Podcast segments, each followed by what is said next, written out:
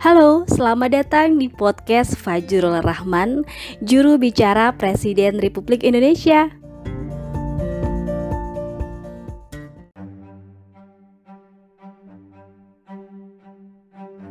terbatas yang hari ini kita akan berbicara mengenai pembiayaan BPJS Kesehatan. Dalam menghadapi pandemi COVID-19, perlu saya ingatkan kembali bahwa tugas negara untuk menjamin pelayanan kesehatan pada seluruh warganya, pada seluruh warga negara Indonesia dalam sistem jaminan kesehatan nasional yang berfungsi secara penuh dan berkelanjutan. Dan kita tahu memerlukan landasan hukum baru setelah Mahkamah Agung membatalkan kenaikan iuran BPJS Kesehatan bagi peserta BPU dan peserta BP bukan bekerja yang mulai berlaku 1 Januari 2020. Pembatalan kenaikan iuran BPJS Kesehatan ini tentu berpengaruh terhadap pelayanan kesehatan kepada masyarakat, terutama pasien COVID-19. Oleh sebab itu, saya ingin menekankan beberapa hal. Yang pertama, penyelesaian dasar hukum baru yang dibutuhkan untuk mengatur pembiayaan.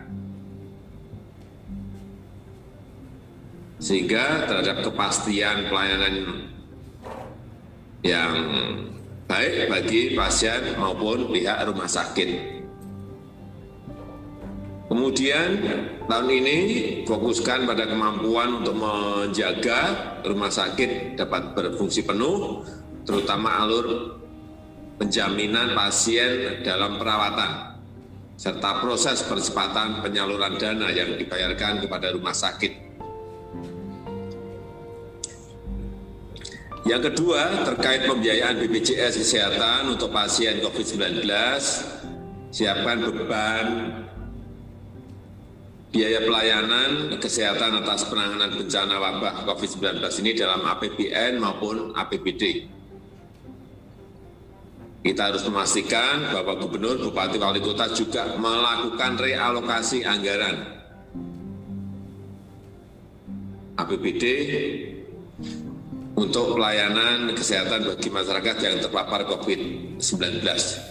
Yang ketiga untuk Menteri Kesehatan segera tetapkan norma, standar, dan prosedur yang dibutuhkan dalam rangka pelayanan jaminan kesehatan untuk pasien COVID-19.